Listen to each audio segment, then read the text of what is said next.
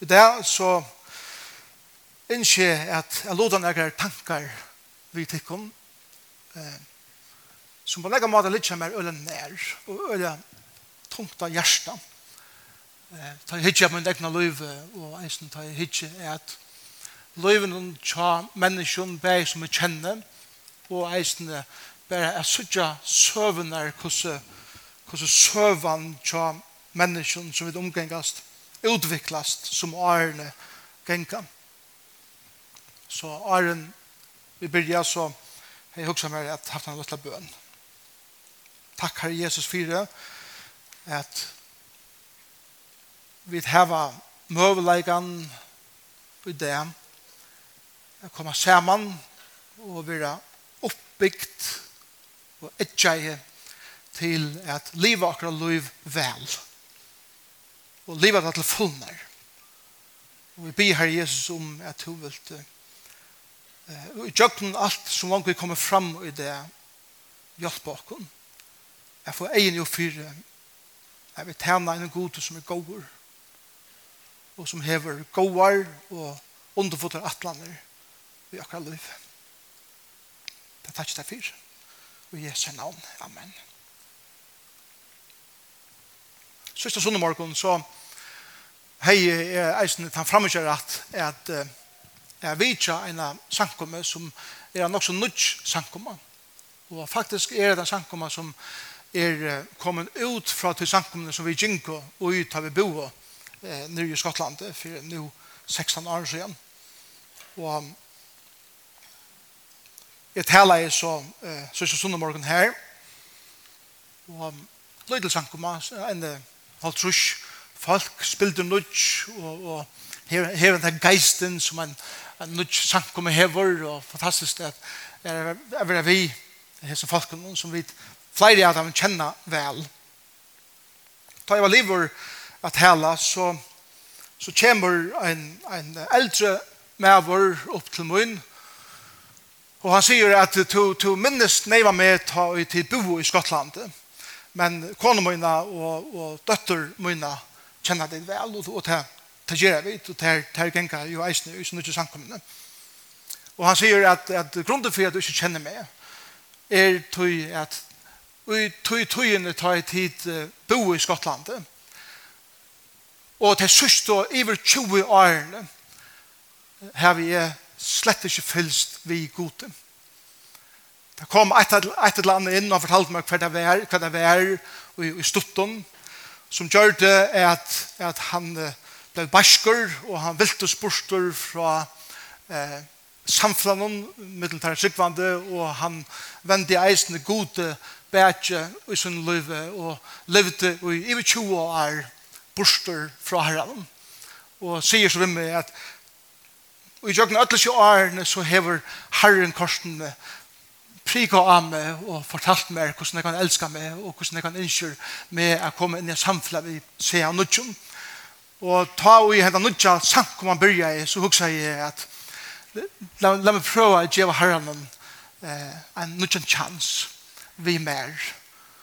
Og han sier til at som hendan samt kom man begynner i, så er mitt liv fullkomlig kolvelt og Herren er fyrir fætru i meg atter, så Herren er sloppen inn at sikna meg, så jeg sier at her signingene som han fyller med vi nå kunne fløyma ut av bæg kone mine og døtte mine og de som er omgengist og i løyven.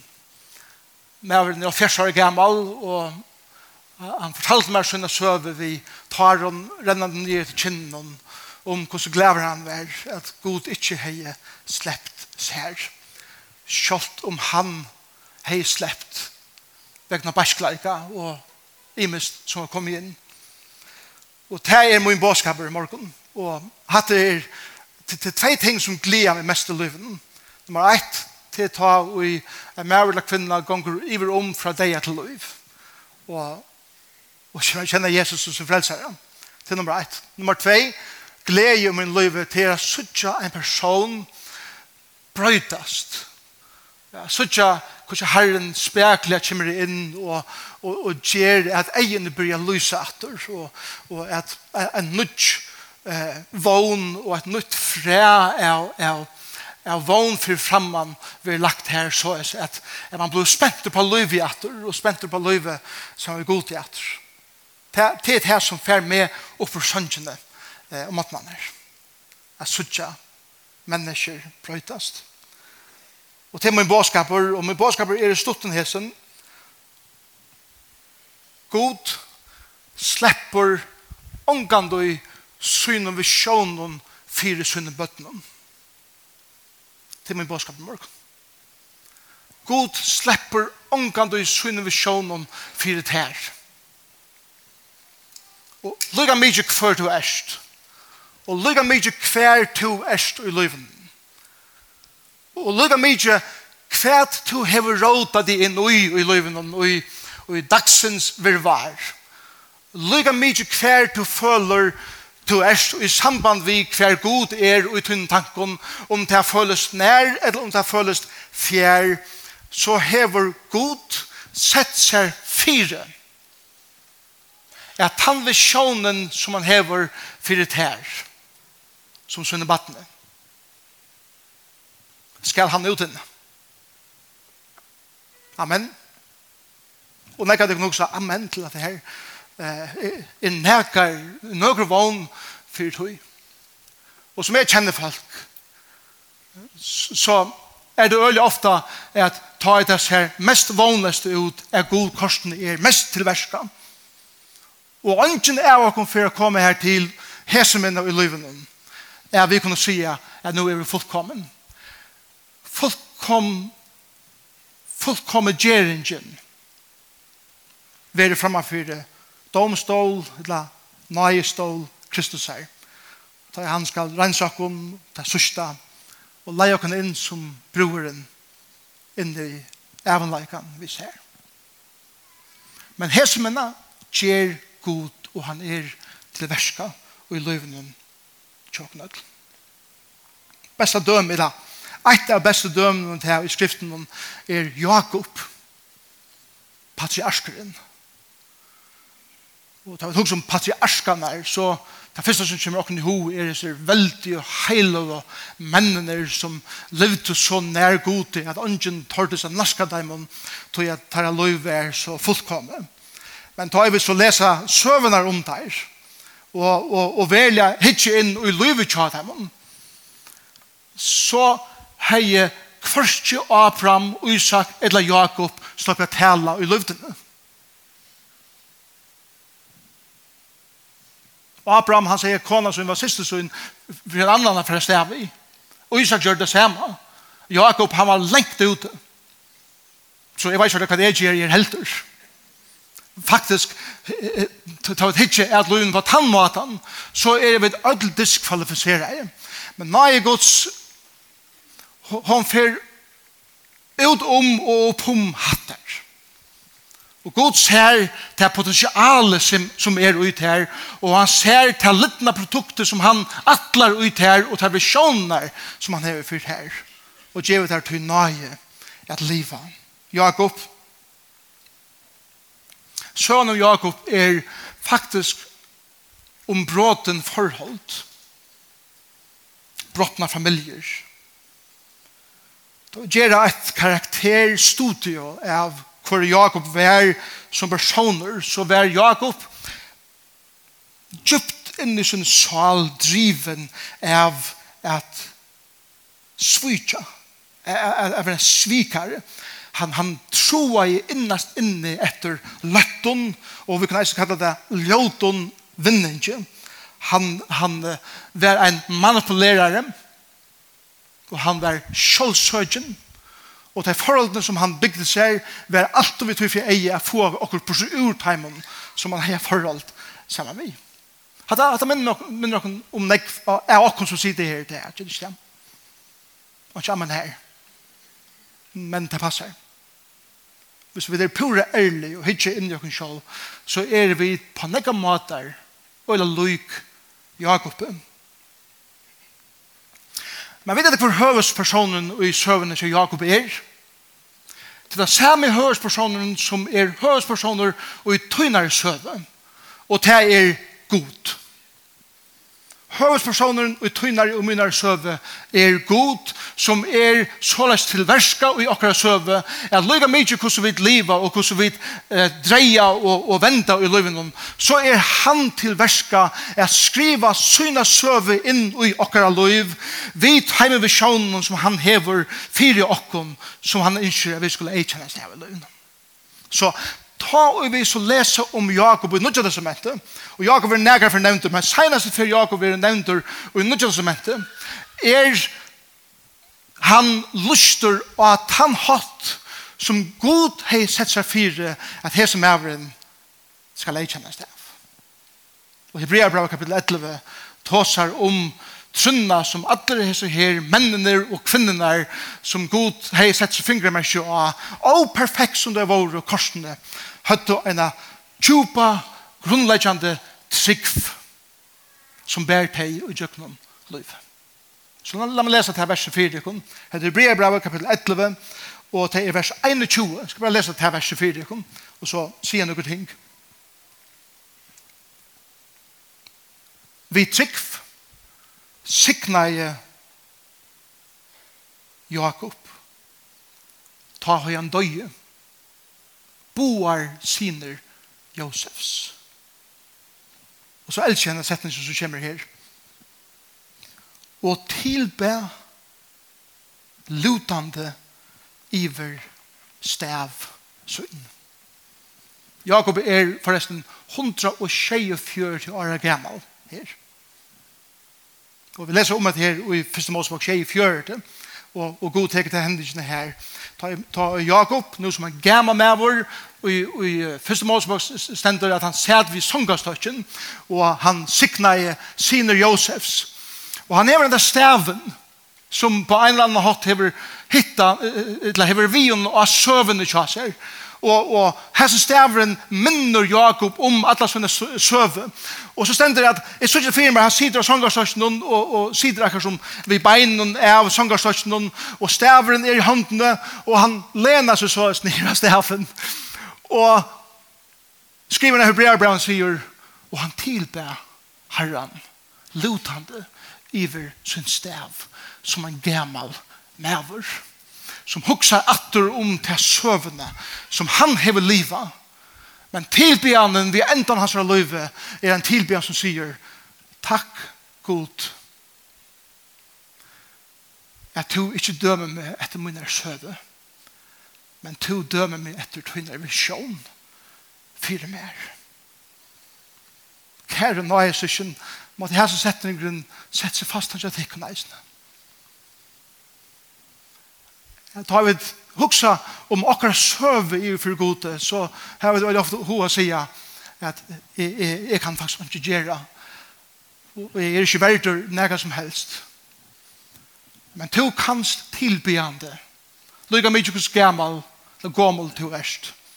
Lutande i vi tun stav eller det som jeg kjenner tunna søve og tilby herran og takk henne fyrir ved sjånene. Takk som han hever fyrt her. Om at han givet her vågen, er det ikke blæga fra der. Om at han givet her vågen er at lyga mykje hver to erst i løyven og lyga mykje hvordan store roleisen er i tøyne løyve bare nå. Så hever god en visjon for tøyne løyve som er en god visjon. Og det gjør det til en tilbygjere som takker god for det, for han gjør det og hva det myndar i tøyne liv. De gjør dere bare noen helt fra døme om hva jeg kjente Jakob. Eh, Så var til Jakob gjør unga mening. Helt ikke tøyne søvn. Hvis vi ikke lærer å sutja søvnene og i en større mynd av hva det er som Gud vil gjøre i livet til Jakob. Og, og vi, vi tillager kattlet her eh, den mynda søvn og den større søvn Jeg vet ikke om du har sett filmen, hvordan er den heter, Ant Life, heter han av enskånd, jeg vet ikke hvordan han heter av danskånd. Jeg har sett alle teknikfilmer som bøtten ikke har hukket etter, å være små.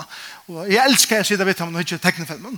Ant Life er om, om uh, jeg sier her, uh, hvordan er det Ant det før skulle få det fra meg? Ja, mer, ja, mer. Og, og om livet kjøtt heimån, under en liten bøtje, og hva ganger fyrer seg her. Og, og her er det her, her gode meirner, og her er det ønde meirner, og her er maktkamper, og her er alt henne søva som ganger fyrer seg, under lytta målklumpen om, og så ena for midt i filmen, så er det akkurat som at kameraet zoomar ut, og man ser at som bøkken, han er under en treje, og så zoomar det langer ut, og henne, henne er parser av en større parsk. Og så så må det enda langer ut, og så ser, det, ser man at henne parsken er midt under byen vi en stor grannlever om, så så må det langer ut, og knapt er som byer en parser av flere øren byen i øren landet, for det langer ut, og knapt ser man alle hjørna. Og så vum, for det inn atter. Nye bøtjen atter. Og det minner meg av hette her. Jeg vet livet og akkurat søva gonger fyrir seg under en luttlum bøtje.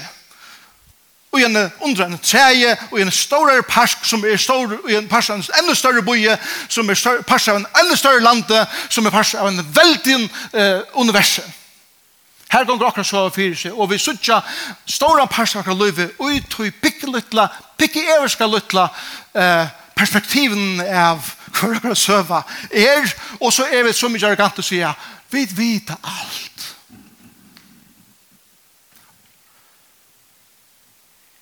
Kunsteren tja en badne som har finnst jo heile andan og isen. Og er døtter og soner gods. Er det god løyver okken at trakke inn i det store søvnet. For han hjelper oss vi først å trakke ur okkar pikkelutla universet inn i sitt store univers for han viser ter og mer hva det er som han atler. Vi tog inn og løyve. Ikke bare i perspektiven av Lutlund Bøtje, men i perspektiven av Lutlund universen og han viser ter. At mine atlander fyrir her er nekk større og nekk underfotlare og nekk kjipre enn til nekk han døy. Kanst forstille det. Er det ikke fantastisk? Ta vi byrja at hitje at løyven om, bæg til okkon, og til øren, og i tøy perspektiven, så missa vi fordommer. Og vi hitje at menneskjon har en helt spilt under kjønn hatt. Jeg vet nekker det jeg kjørst over. Og tar feilene, og tar det som er lyte, eller tar bilene til okkon, eller tar som bilar, definerar ikke den personen etter det som han har gjort. Men vi definerer personen etter det som Gud gjør og gjøknum det som vi nå egnet for å tekkes til i løven. Det er så, det er så forløsant. Jeg blir ikke et menneske på den måten. Jakob, han yngste, han hikker hans av løyve, jeg vet ikke så ikke han til det, for får hikker inn og ut det ordentlig, men jeg skal bare gjøre noe helt Jakob yngste er at nekka anna enn god skulle nøkta hans liv, etla faktisk kanska nekka anna pluss god, at god var funner at hava tre at jeg sikna til som han annars vilde, det er ikke hans liv, var det nekv. At anna som Jakob eisne, det var det at han troe, og han troe det verlig at han kunde utinnas her og i jøkken til som han athogs her a gjerra livsgleie, som ikke gjør hattar, og ordne hattar, og fei hattar, og gjør hitt, så var hattar østlite, så var jeg glad for. Det har sett seg fire i livet. Og han valgte at ut innan det, og gjøkken tann hatt, eller at han hatt, at de forhold som har kommet inn i vi mennesker, på en eller annen måte tante tog vi for sin egna livet. Og ta ble det alltid på bekostning av øren. Det er mitt forhold vi til er bare at det skal få spørs ur der. Det er kjente Jakob Saløyf. Helt grelt. Men det som Jakob eisen opplevde var det er at øysen i atlan er at klare at livet livet uten god er at kunne få glede på sin egna måte på bekostning av ånder korsene var en støv og niergångt og i rønten er at på en måte er styrer sin egna livet Men han hukte etter det, så, så følte han etter at ah, jeg må, jeg må røyne okkurs meir, jeg må gjøre et eller annet meir, til jeg tar følelse som om at selv om jeg røyne for opp etter, så blir vi løyve vi er færa nere etter. Tja, men, ja, men, sjåan det gjør det til at ta i vidt vilja liva, løyve sjåv. Og så leis, jeg vilja vidt, at du tog, jeg vil hitje et løyve, og Jakob, tog jeg, og tjøkken alt det Vet du hva brøtte Jakob? Det var på samme måte som akkurat løyver brøtt. Og det er ut heimen gjerne som vi gjerne. Vær det gåar der ringer. Så er det avvis punkt i løyvene som Jakob er og til åkken hver god åpenbæra seg for Jakob. Og viser seg. Ofte så gjør vi det ikke et eller annet hver god kommer inn og sier jeg er her. Og det er det store bøyde hver god brøyder henne mannen spekler fra å være kjølsøkjen til nå er blevet avhengig av godet Så er sprøyde god tøyt liv, kære søster, kære bror som er i det, god åpenbære seg fyrt her. Om du sørste, det eller sært ikke. Jakob, han, han, han manipulerer i Bajasun. og han fikk Bajasun at selge noen frumborratten, som gav honom eh, haksta myndelaga i vår arven og gæren og alt det som skulle arvast. Men ikke bare til, Saman med mamma sinne, så her sykja vi trobelegan som uh, Isak og konan høtte om å favorere bøten og alt det der. Uh, Lærer han ikke familieløy fra Taimon, Esau var all lojen, så det at, at de dro på et eller annet kreatur og, og kørte på armen av Jakob, så det ta Isak som var blindur, følte etter lottna etter lottna armen, så følte han at, at, det er Esau, men du har røttene til Jakob. Men, men jeg må bare sikker er Esau, og Jakob stjål sikningene, som, som kulturelt var akkurat som å gjeva rinjen vujere til nasta og Jakob stjål til. Og det knuste familien av sunder. Og det gjør det til at Jakob måtte flytja heimanifra som han unger tronker til at badjans herre var blevet så mye basker at familien får ui synder av det. Og med Jakob flytja er at han heter rævlig som han har gjørst så sånar han er kvalitet og han drømmer. Det er god å åpenbære seg for noen, en, en stige kommer fra himmelen og nye gjerder, han ser enklere genka opp og nye. Og, og han åpenbæringen er akkurat som en sånn åpenbæring hver god sier vi igjen. God, Jakob, jeg vet at du røyner at ut innat her løvsens grundarlega og utjøknum tynar eknum manipulerande mater, men jeg minner til å at du er erkomt at du er fram til møyen. Nei. Nei, tar vi det ikke over kjent. Vi kan lytte søve neka som helst. Og i det store søvene som Gud forteller oss, sier han, veveren er stadig åpen mot kære baden. Kjalt ut til ringa seg som du gjerst. Vi sier et her. Er veveren er åpen inni samfunnet vi med. Jeg elsker god for hjertet. Jakob ser ikke brøyden seg så sjølv den, men han opplever sin gjerne av han, til at som han gjør til han vaknar, og jeg verger til stenen, og jeg, er en av myndene jeg merker, jeg ligger nyrre, og, og jeg har en stein som kotta. Og at det stenen som Jakob eh, drømte, og han sette henne steinen opp, er minnast. Her var nega som kjørte nega vi med. En erfer så leser vi om ta og Jakob var atter i, i, i trobleikon, og det var nå var det Laban sverfar, og det var det godt å komme trobleikon sverfar, det vet jeg vet Og han snøyter sverfar. Sjølt om sverfar eisen er snøyt Jakob, og Jøkken og Leo og, og, og, og, og, og Rebecca og alt det her, tannsøvan, men Nå flytter han Og Laban er i øyene. Og vi kan oppleve det ene for seg at God åpenberer seg for henne. Og med den av det er god færsens av Abrahams og Isak. Og jeg har en visjon for til liv. Han er for ta i han åpenberer seg for Jakob er nekv, nekv, nekv og er settende. Nå skal han møte Esau atter, bætja synden. Og han vet at senest så er Esau ta være en rasande.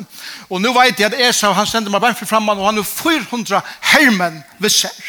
Så Jakob han er strategisk og han, han, han bryter familien der opp og han gjør alt hva han kan for på enkla måte at, at ta og så endelig jeg har møtt i Esau så har han, har han møtt sånn egen åren at han kanskje siste var han sender.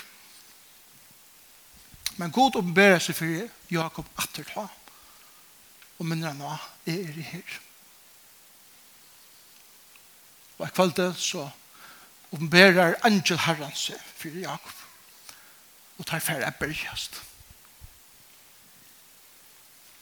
Og Jakob vil ikke slippe.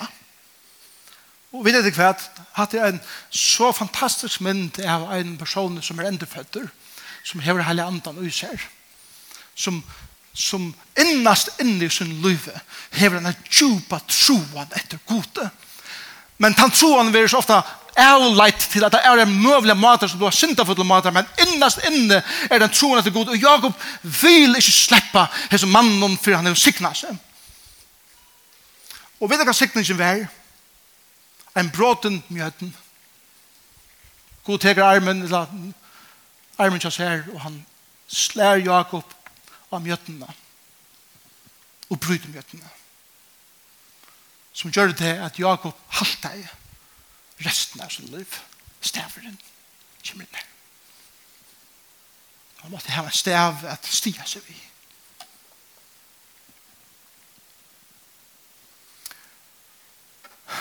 Jeg hadde nægget hukse om det er god åpenbærer seg for tikkun ta i et eller annet brottnar ut i kjærlivet. Jeg hadde nægget hukse om det på tammadan at ta til missa et eller annet, eller ta i et eller annet gong gale, eller ta i alt ser ut til å være i sår og i kjelja spønnen. Kan god og gjøknen til gjøre det til en eimjøkken person som at enda gjør det fullkomlig avhengig av hånden. Så jeg sa, du må se hva stav resten av din liv. Det er beste leierner. Det og de beste, de beste godskvinner og godsmenner som hele tiden livet er jo menn og kvinner som er åpen om hvordan bråten de er. Og et eller annet tar jeg søve hver, og i til som brottene er så er god til verska og i tog som er støttes vi i løgn. Jeg synes hettene, da Jakob har mist en av sånne tænaren, og, og løyve ganger ytla, så kommer god til han og sier, er det God færstens Abrahams og Isak. Og jeg skal sikna til. Og han djever Jakob som og sikningarna som han lova Abraham og Isak. Og så sier han vi han, du skal ha et nytt navn. Jakob, hun skilder til som heter Jakob, det betyr en snytar. Det er en som hoksa seg vel i jøkken hvordan han kan snyta ånder. Sånn. Herren sikten til hver navn. Og han sier vi igjen, du skal ha nytt navn. Og du skal eita Israel. Og hele sjån eiter etter hans navn. Og Israel betyr god bergist. Det kan eis omsettast god ræver. Så nødja navnet fra hans karakteren som er Jakob er være en snøydare og bedriare og, og bygger sine forhold vi tog for eia få nok på sjurøren brøyter hans speklige og i karakteren og hver han er til å bli en av mannen som avsammer er god ræver munnliv God brøyter tøyt om mitt navn. Hva er det tøyt Faktisk sier oppenberingen at du har nytt navn. Ta navnet skal være til å oppenbere den dagen du stender framme for og er som gods. Og Kristus skal si vi til her er navn. Ta navnet det er den littne versjonen av tog visjonene som god fra tøynen tøynen er heier fyrt her. Amen. Lyga mykje hva hender til en løyve så har vi god en visjon for det her, et nytt navn, skal være tengiv. Ta ut den personen som han er seg fri at du skal bli fra, skal være fullkommen. Vi Må tengiv det her, vån fire for det du erst. Kære, nøye er lære at hittje jeg tekker å som den lytla søvan, og i ljósen av Guds store søve og i tikkara livet, er hver hending, hver personer, alt som ditt opplever livet om, er ikke bare av tilvild. De menneskene som kommer i okker liv på en eller annen måte er vi og i sin drama som god er til verska er at skapa ui okken vi tøy fra eia er gjer okken til personen som han innskjør at vi skulle være. Så, ta hitja min egna livet Og tar vi tidsja eld etter egna livet, så tykker jeg vi kunne sija, wow, på nega måter vi sier jeg eiligere, så, så er jeg øyla lykker Jakob. Til på nega måter innskje jeg at livet mitt liv helst utan god, etla pluss god. At jeg har mine planer, og, og, og jeg har mine visjoner for livet, og til ønske gærlig tøy, men det som gjør det gærlig er til at vi helst halda god, sånn at utanfor, etla hvis god skal komme nå i, så skal han signa mina planer langer, langer. Og ikke hva planer god til to for mer. Jeg helvete at lærer her av og av i løgnen. Et annet som, som jeg ikke kjenner med, det er at vi trykker at hvis jeg bare arbeider nå hardt, så kan jeg er enda utvia meg mina livsglei. Enda kommer det og vi behöver göra frustrerade. Og ta frustrationen gjør til at de forholdene som vi bytter vi ånder, er alt vi tror for eia, er hva kan jeg få bort ur mine forhold vi hantan, er hæsa. Og vi skiljer ikke for at og i ødlaka om, er det stadig en nye gongt. Det tror jeg vi er som Jakob. Vi lever i holden. Men vi vet ikke hva. Ta og vi vet liv akkurat liv, og helst av livet utan gode, det er bare pluss gode for han sikna okon, så åpenberer han for okon sin stia og sier, hva er det kære bror og kære syster, at du har en frie egomt at du er fram til min. Hon sender fullkomlig åpen. Vil du ikke bare komme til min og løyve mer? Jeg skriver til henne søve som jeg vet her. Og, og, og vidt at ta vi tryggva at vi kunne eh, utliva okra livsglede, så kommer god og minner okra nå at jeg har en nekst større, djupere glede til tøyne livet. Som ikke er avhengig av tingene, som ikke er avhengig av hendingene, men som er fullkomlig avhengig av tøy, til å lykke mye hva kommer inn til liv, så er det nekka under her, understremer, som letter det opp og gjør det livsglede. Og ta vi man vet, er det manipulerende i okra forholden, og vi sluta og bedria ånder, for jeg får noe på sjortheimen. Ta, kommer god inn, og han slær akkurat mjøten. Så har vi brottene. Så skal vi gjøre oss avhengig. Og vi klarer oss selv.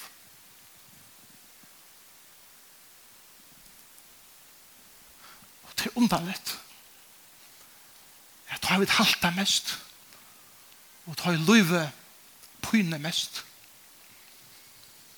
ta det ser ut som alt er, er sår, så er det som om, og jeg vågner det som fremme det, at det er en rødt som sier, sørste kapitlen til en løyve er ikke skrivet hver enn. Det sørste kapittel til en løyve er konklusjonen av min visjon fire der. Er det ikke underlig? at har til tro at nu gong livet pura nye etter, så er det et eller annet snete som gjør at man faktisk gong det opp etter. Det føles ikke så, men det er ikke et søvende, så hender det ikke. Det er god det til verska. Så, la meg enda visen her. Nå til testamentet sier, så er enda Jakobs liv. Jakob, Han er trygg. Og i kjøkken som er trygg, sikna jeg han. Ta i han døye, til sjøen, bænt han døye. Boar siner Josefs, og tilbe lutande iver sin stav. God slipper ikke syne visjon vi tær. Kan jeg fortelle jeg om det? Han tar seg om at God slipper ikke syne visjon vi mer. Jakob, fra at være som personer som stjål og som kratta kratteie, til i under seg, er alle som har kunnet få fædre av, ble medveren som gav fra seg. Sikna i. Ble hendene av andre mennesker og sikna i deg. Og i stedet for å teka er han nå blevet en djevare, Men sikna i. Jeg var Sørst du det ut i livet? Vet du det er du i at tid er en signare reisende? Vet du det er du i at tid er en stor signing for meg? Og i mine forhold vet ikke om er tid vi til å signa meg? Er det klar i vår at djevelen vil ha at jeg kan føle som om at tid ikke er det signing for nærkran, men til liggen. Djevelen er en lignare. Djevelen God, Guds visjon for tikkun er til at vi skal bare signarer. Bli bevusst om det. Jakob, han signar vi Guds sikning. Ikke bare vi til som han måtte, og hette vi, er, hette vi er vunnet meg sjolver. Ikke vi, vi, vi tingene som forfærast, men vi er vi om viren, signar han inn i livet kjøren. Sjån er det godt å sikta hver annan vi, okkara oknon og alt det, men den stora mynden er de evige virene som vi sikna hver annan vi.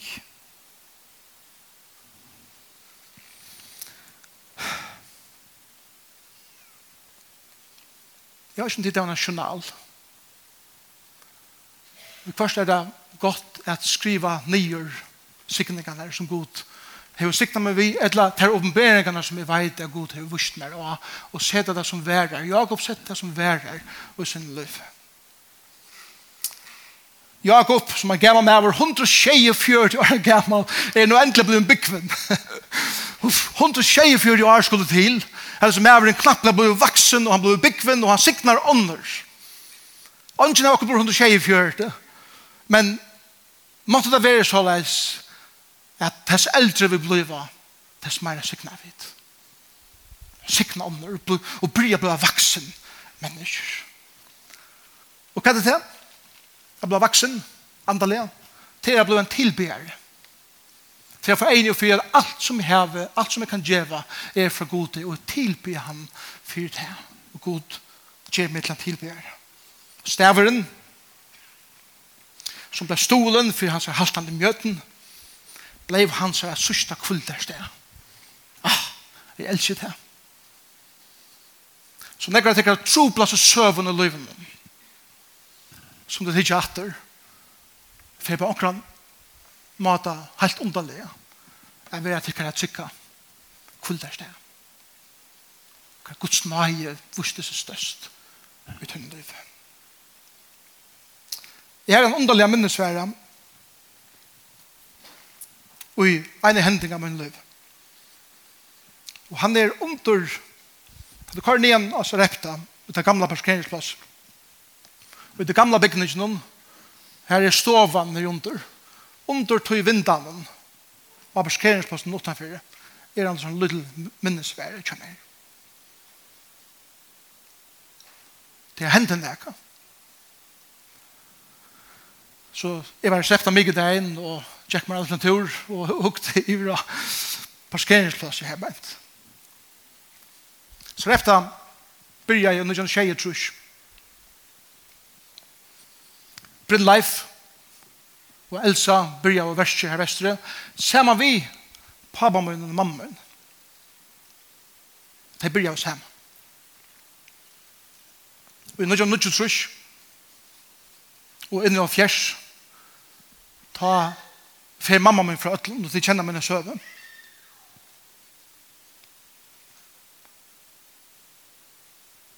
Hun sier alt fra seg. Og i 2009, nei, unnskyld, 2006, er mamma hjemme til åkken. Og hun bor til viken der kommer hun.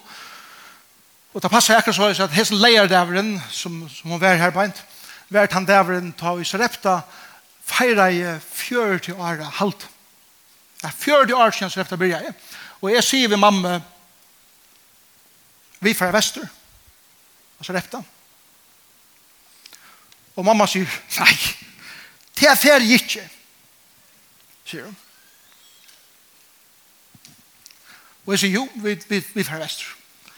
Og jeg, altså, det er for å drepe meg. Så jeg litt, 38 år av øtta. Fyra en som hendte for 38 år siden vant han det. Går og gaddel om han iver seg. Og jeg sier mamma, jeg skal være at en lyverje. Vet jeg. jeg skal være det. Og han gjøtter og kommer vestur. Og så kører vi ned igjen, jøkken til brekkene, nian av gamla parkeringsplåsen. Og jeg synes ikke hvordan mamma ristest, bøkstavelig, om sitt rett av Svetten driver av henne. Og det var akkurat et plass under vindene og stovene og i gamle bygning. Og det passet akkurat så at jeg var korden vi og parskeret av, så stod og flere av sarepta om henne ute av eh, trappen i det sånne rampene som ganger nye arbeid.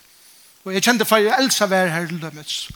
Og, og fire er her av fem kvinner, og noen av dem er fanget hjem til herren. Og vi barskerer, og mamma hun tar nesten ikke horen opp, men hun fer ut. Og så repte om henne suttja mamma. Første før, at hun 38 år. Og der kommer atler og send rennande iver og tar leip om holsen av henne. Og her standa der og gråta sammen. Mamma slapp fra henne løyvakt han deg. Til at hun var mottegjende. Og han slik han hatt som fullkomlig ivreska i henne. Og tog til jeg minnes hver ikke mer. For jeg sitter og vittne en person som som i tjøkken nekv og er i sin liv har kjent Guds dom i vi ser grunn av at her som han har gjørst opplever er vil lett opp og vi mynt av at min visjon fyrt her er ikke domer han er gitt tid til Golgata Cross min visjon fyrt her er gåvar atlaner Lyga mykje hos ditt liv og din søve hever seg ut og din lytle søve. Så hever min store søve veri heilt om andre for din liv. Tan dagen, ta mamma kom heima til vi jakk var en deg trøyt. Men hun var en nødsk kvinna. Eller eit at trøyt er var en nødsk kvinna.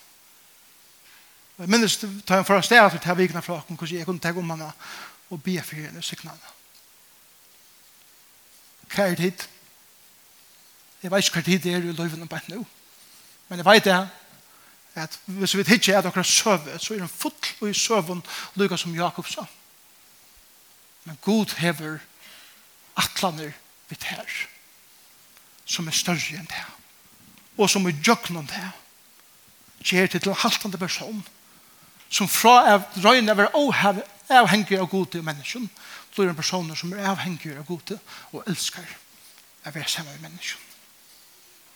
Må ta være min oppmuntring til tikkene som vi enda ut det her. får be Karl, jeg kom opp. Karl for jeg synes en sang for jeg som vi enda. Og medan Karl synger, så vi får ikke ha noen sang at han har, Karl lever synes jeg, så er møte livet. Men det er forbjører at han møte som, som er her framme i disse områdene her, som alle gjerne vilja bare be samvittar og være samvittar i det. Men for bedre om at, at som Karl synger, at du bruker så løtene, og du hukser om tunne søve, og du hukser om Guds penn inn i tutt liv, og drømmer om ter visjonene som Gud har for tutt liv. Og måtte ta, just ta ut her, at en nødgjør geister være føtter ut her og der at han vogn at liva livet her som det virst. Og lykka mykje hvordan det ut og da Karl lever å spela så kom jeg opp at og, og bygge i samkommende og, og ende møte i det. Til svært Karl.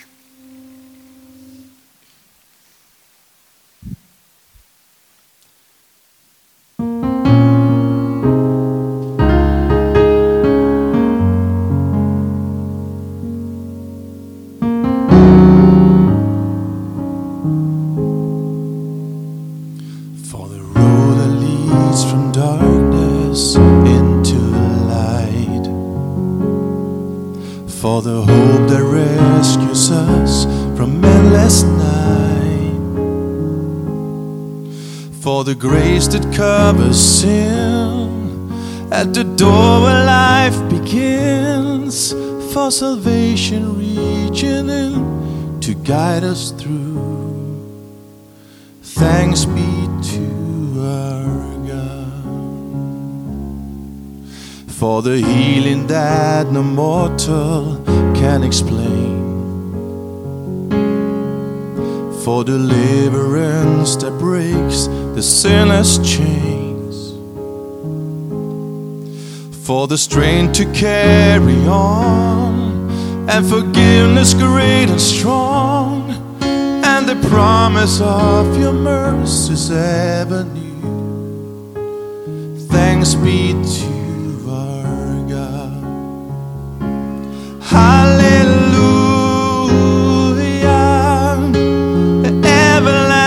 song. done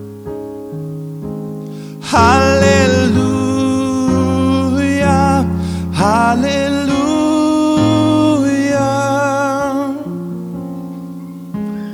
Thanks be to our God.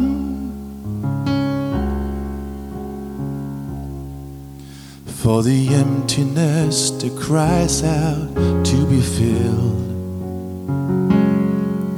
For the promise that your word is deeper still.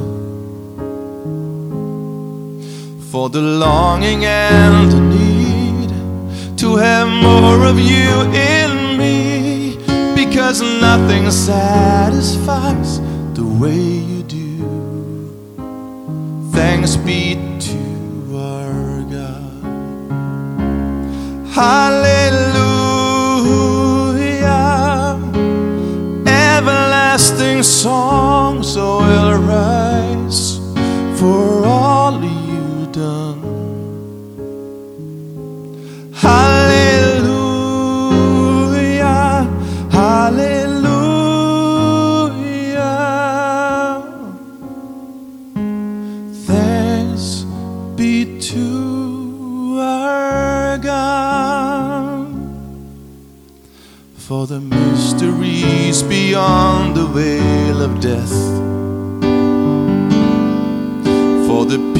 that opens up with closing breath.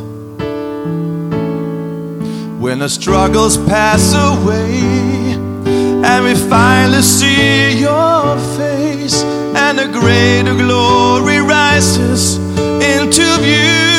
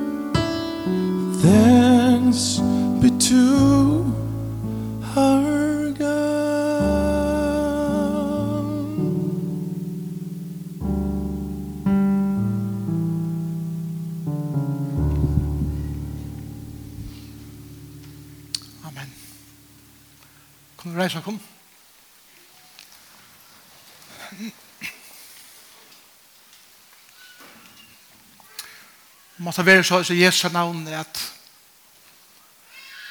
og tikkene fra heim og ledger tikkene av staven og tilby herren for hans revisjon for ditt liv Herre, jeg blir fire samkommende som vi stande her. Kanskje er anker her det som ikke kjenner til som sin frelser. Eisne fri hånden eller henne hever to en visjon. Og en parstre av tøy visjonen er at jeg slår gjeres tøyne bøden i trygg og at jeg fullkomne versk av Golgata kross. Jeg ber for hånden til henne som føler seg som en person som ikke er verdt ut her. Herre, til satans likning i hans her det henne er lov. Til jeg fyrt her er vi ødel velkommen.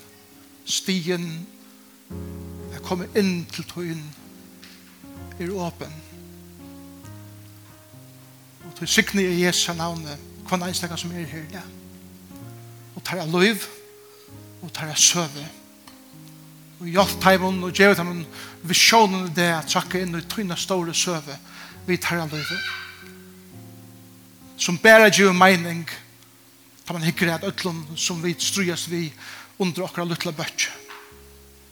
Så ikke det store myndene, så fer det et helt annet liv. Og hjelp oss å hitja et liv fra tøynen sjøner hodne. Hver gjør i hending.